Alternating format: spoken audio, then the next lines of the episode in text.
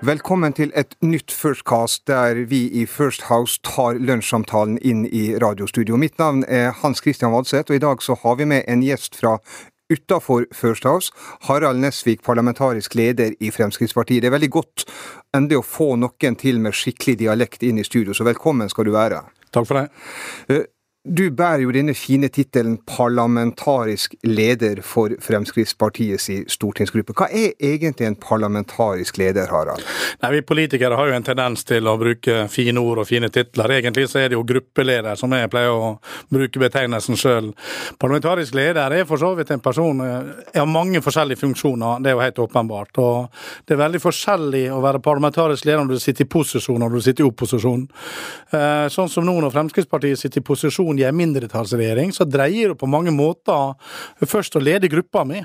Eh, og så er det selvsagt også å føre samtale med andre eh, parti sine parlamentariske ledere for å fremskaffe flertall for de enkelte sakene. Jeg pleier å si at arbeidsoppdraget mitt er fryktelig enkelt. Eh, eller i hvert fall arbeidstittelen. Det er at jeg skal sørge for at alt regjeringa foreslår, skal gå gjennom i Stortinget. Og så er selvsagt gjennomføringsevnen den kan, og selv å få det til kan jo være litt mer avansert enn som så. Men det det dreier seg om, det er selvsagt å ha dialogen, drive med forhandlinger Stortinget og sørge for at sakene går gjennom i Stortinget. Så, så du, du, skal holde styr på egne folk, altså Fremskrittspartiet sine stortingsrepresentanter, så skal du være diplomaten som, eh, som får eh, forslagene gjennom også i Stortinget? Og samtidig så skal jeg være bindeleddet mellom storting og regjering, slik at jeg deltar jo eh, på eh, såkalte regjeringslunsjer, dvs. Si at jeg møter regjeringa samla minst én gang i uka. I tillegg så har jeg daglig dialog med uh, de mange statsråder. For etter hvert som sakene dukker opp, så er det min jobb å sørge for at disse tingene faller på plass. Og I tillegg så skal jeg selvsagt, eh, så må jeg jo følge alle sakene, eller de sakene det kan bli konflikter og problemer med i Stortinget. For hvis ikke jeg kan sakene som skal gjennom, ja, da taper jeg også forhandlingsmessig. Fordi at det er dem som kan sakene, som også veldig ofte ofte slår gjennom i forhandlingene. Men, men Harald, jeg har, jeg har, jo vokst opp nesten i samme gata som, som, som du har i Ålesund. Uh, og det er jo kanskje ikke sånn de diplomatiske trekkene dine som folk først tenker på når de, de, møter i politikken, men du må ha det inn her også? Ja, men jeg tror nok det at eh, de fleste som kjenner meg, vil nok se at det har nok endra meg betydelig eh, de eh, siste årene når jeg kom inn i politikken som ungdomspolitiker. Det, det tror jeg nok at det skal ikke så mye til. Jeg var nok relativt bardus i min framferd som ungdomspolitiker, også til å begynne med i politikken. Men det er klart det at rollene gjør jo også at du må agere annerledes annerledes, du må tenke annerledes, du må tenke på at du skal skape flertall. og Da nytter ikke det å, å sitte på pidestallen og, og, rope og skrike og være arrogant hvis ikke du, eh, du, får gjennomslag for det du skal ha gjennomslag for.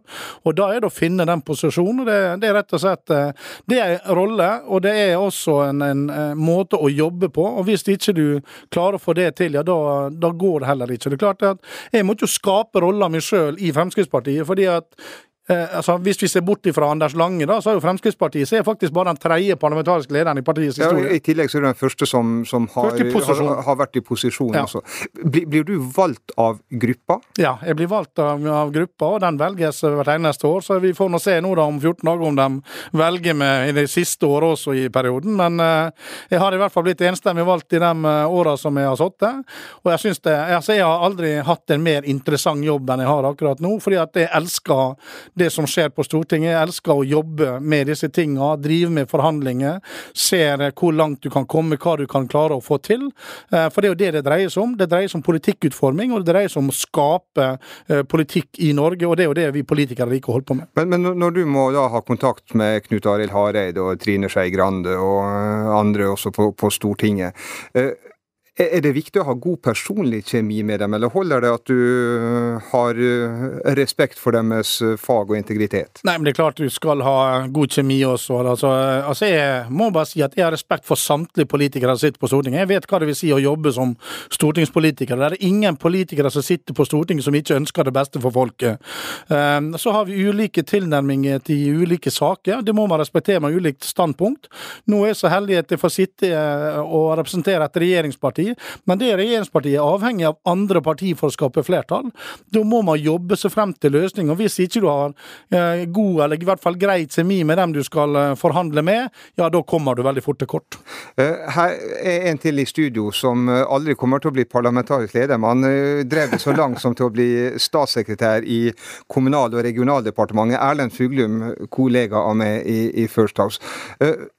Når man sitter i regjeringa og i den politiske ledelsen i et departement, hva er det da som er viktig uh, i forhold til en parlamentarisk leder? Der tror jeg det er en avgjørende forskjell på om det er en mindretalls- eller flertallsregjering. Uh, Harald sier jo veldig godt her når han, når han sier at hans viktigste rolle utover å være lagleder selvfølgelig for sine stortingsrepresentanter, uh, det er å til enhver tid sikre flertall for regjeringa. Mindretallsregjering så blir jo regjeringa enig seg imellom først, og så må de gå til Stortinget og prøve å få flertall for regjeringas politikk der.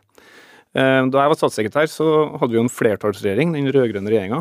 Eh, og da er det jo sånn at når regjeringa da har bestemt seg, så sjøl om eh, Stortinget formelt har siste ordet, så er det jo i realiteten sånn at når regjeringa har bestemt seg, så blir det sånn i Stortinget. Så da er ikke parlamentarisk leder sin oppgave lenger å, å, prøve å sikre flertall, men kanskje mer å holde kontroll på troppene, kan jeg si. Fordi at det, regjeringa vil jo eh, inkludere Stortinget i forberedelse av sakene. Eh, sannsynligvis mer eh, når det er flertallsregjering. Men likevel så vil det selvfølgelig sitte folk i stortingsgruppene som er ja, mer eller mindre fornøyd da, med det regjeringa de kompromissene som er inngått. og Da er det en viktig funksjon for parlamentarisk leder å eh, prøve å få gruppa til å, å stå samla bak det regjeringa har blitt om. Men, men, er det en snakkis i regjeringskretser sånn hvem som er gode og dårlige parlamentariske ledere, og hvordan folk fungerer i, i de ulike jobbene? Jeg skal ikke be deg karakterisere eller sette navn på, men, men blir det sånn? Altså, jeg vet ikke om det snakkes hvem som er gode og dårlige parlamentariske ledere, men det vi eh, så veldig nøye da vi satt regjering, at det var veldig forskjell på hvor flinke statsrådene var sjøl til eh, å pleie kontakten med Stortinget. Eh, og hvis statsråden hadde vært flink til å forankre ting tidlig i Stortinget, så ble jobben for parlamentarisk leder lettere, for da hadde Stortinget i realiteten vært involvert før vedtakene ble gjort. Nå, nå nikker du, Harald. Ja, det, dette er en hemmelighet, men det gjelder også i mindretallsregjering. Eh, for det er klart at hvis ikke dialogen er mellom regjeringa og stortingsgruppene, både på fraksjonsnivå som Altså alle fraksjoner i Stortinget har jo møte med sine statsråder hver onsdag før gruppemøtet. I tillegg så er jo alle statsrådene til stede på gruppemøter for å forankre sakene sine der. Men så av, og til så går det litt fort i svingene, dvs. Si at man tar noen shortcuts. Eh, og da er det litt vanskeligere for å møte den samme forståelsen som om at du har gjort arbeidet i, for, i forkant. Så fotarbeidet du gjør frem til saken blir en proposisjon eller en stortingsmelding, er helt vesentlig for hvordan det blir mottatt i gruppene. Men eh, det er ikke lenge siden at eh, det ble litt uh, styr og bråk rundt Tord Lien, Lofoten, og Erna var nødt til å gå ut og si at, at sånn, ja, dette var ikke helt i tråd, tråd, med avtalen. Kommer da en parlamentarisk leder også inn som en av dem som heller litt olje på vannet og går rundt og skal ordne opp i ting? La, oss, la, oss, si det sånn, der vil jeg bare si at dette ordner de fint opp sjøl. Det var et veldig godt og diplomatisk svar. Vi har en til i studio her, eh, Tor Mikkel Wara, som også er en First House-kollega. Du satt jo på Stortinget, Tor Mikkel, for Fremskrittspartiet da de hadde 22 eh, representanter, eh, men ikke var i nærheten av noen regjeringsposisjon. Carl I. Hagen var din parlamentariske leder. Hva er forskjell, hovedforskjellen på det å være i posisjon og opposisjon, mener du, for en parlamentarisk leder? Nei, altså da tror jeg at i i, i, opposisjon som vi var da, så var jo faktisk mye av jobben til stortingsgruppa å lage politikk, i betydningen hva pokker skal vi mene i dette spørsmålet.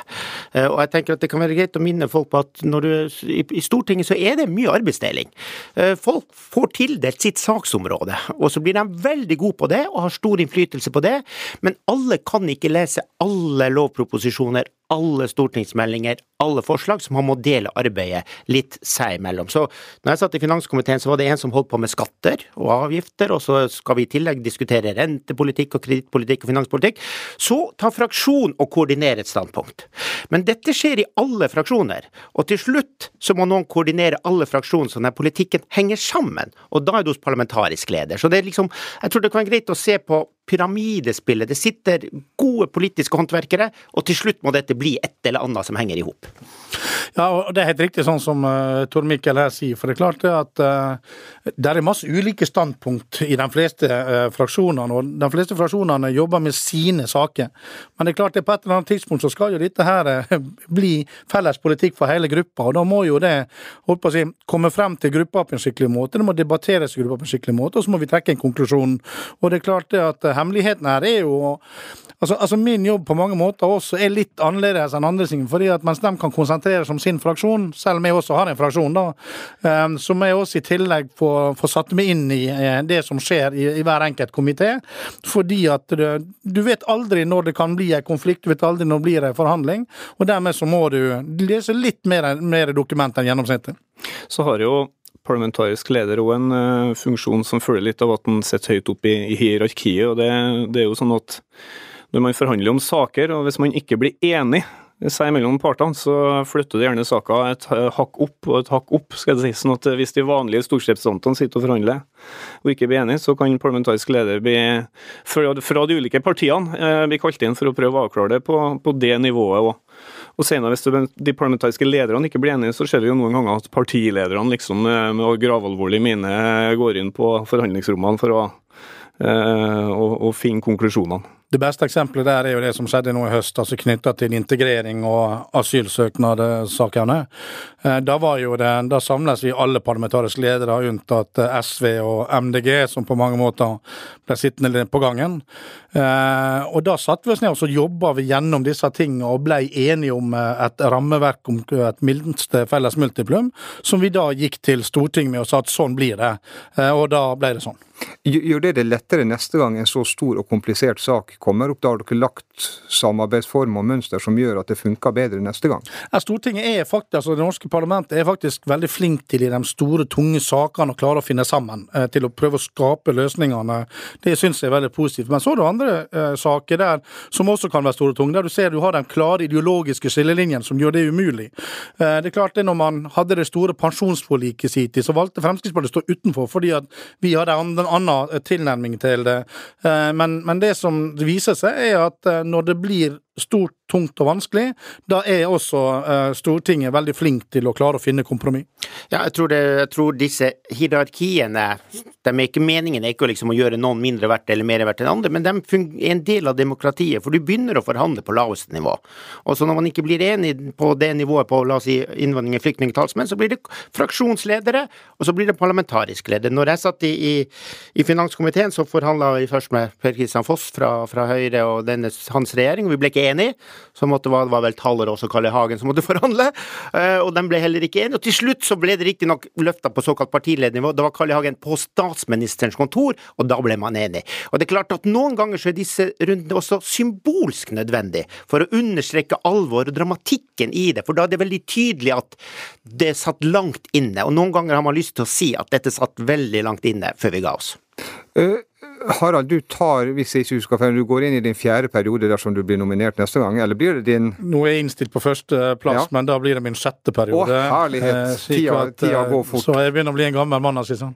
Men det, det, jeg lurer på, det er jo Sett fra utsida så virker stort, uh, Fremskrittspartiets stortingsgruppe en smule mer strigla og velfrisert nå enn han var uh, første gang du kom på Stortinget. Er det et riktig inntrykk? Nei, Fremskrittspartiets stortingsgruppe har uh, kraftige politiske diskusjoner som man skal ha. Uh, vi kommer frem til gode løsninger. og Det er klart det at det er ikke alltid det er enighet, men det er bare det at vi må utforme politikk. Men man må heller ikke være redd for ulike politiske standpunkter i en stortingsgruppe. fordi at politikken formes mellom de ulike polene. Mellom ja og nei-sida så finner du en løsning til slutt. og det er jo der du utformer selve politikken. Så jeg er ikke redd for at om jeg har noen i stortingsgruppa som stemmer for eller mot eller nei, eller hva man gjør. Det viktigste er resultatet til syvende og sist. Og stortingsgruppa til Fremskrittspartiet er en svært hardtarbeidende stortingsgruppe. Det er veldig mange dyktige folk som gjør jobben sin hver eneste dag, og så skal vi sørge for at vi kommer i regjering neste gang også. Jeg lurer på om vi skal la, la det få lov å være siste ordet. Denne episoden av Firstcast er over. Takk til dere som var en ekstra takk til eh, Harald som tok turen hit. Du finner oss på Soundcloud, du finner oss på iTunes, og du finner oss selvfølgelig på våre hjemmesider firsthouse.no. Takk for at dere lytta til oss.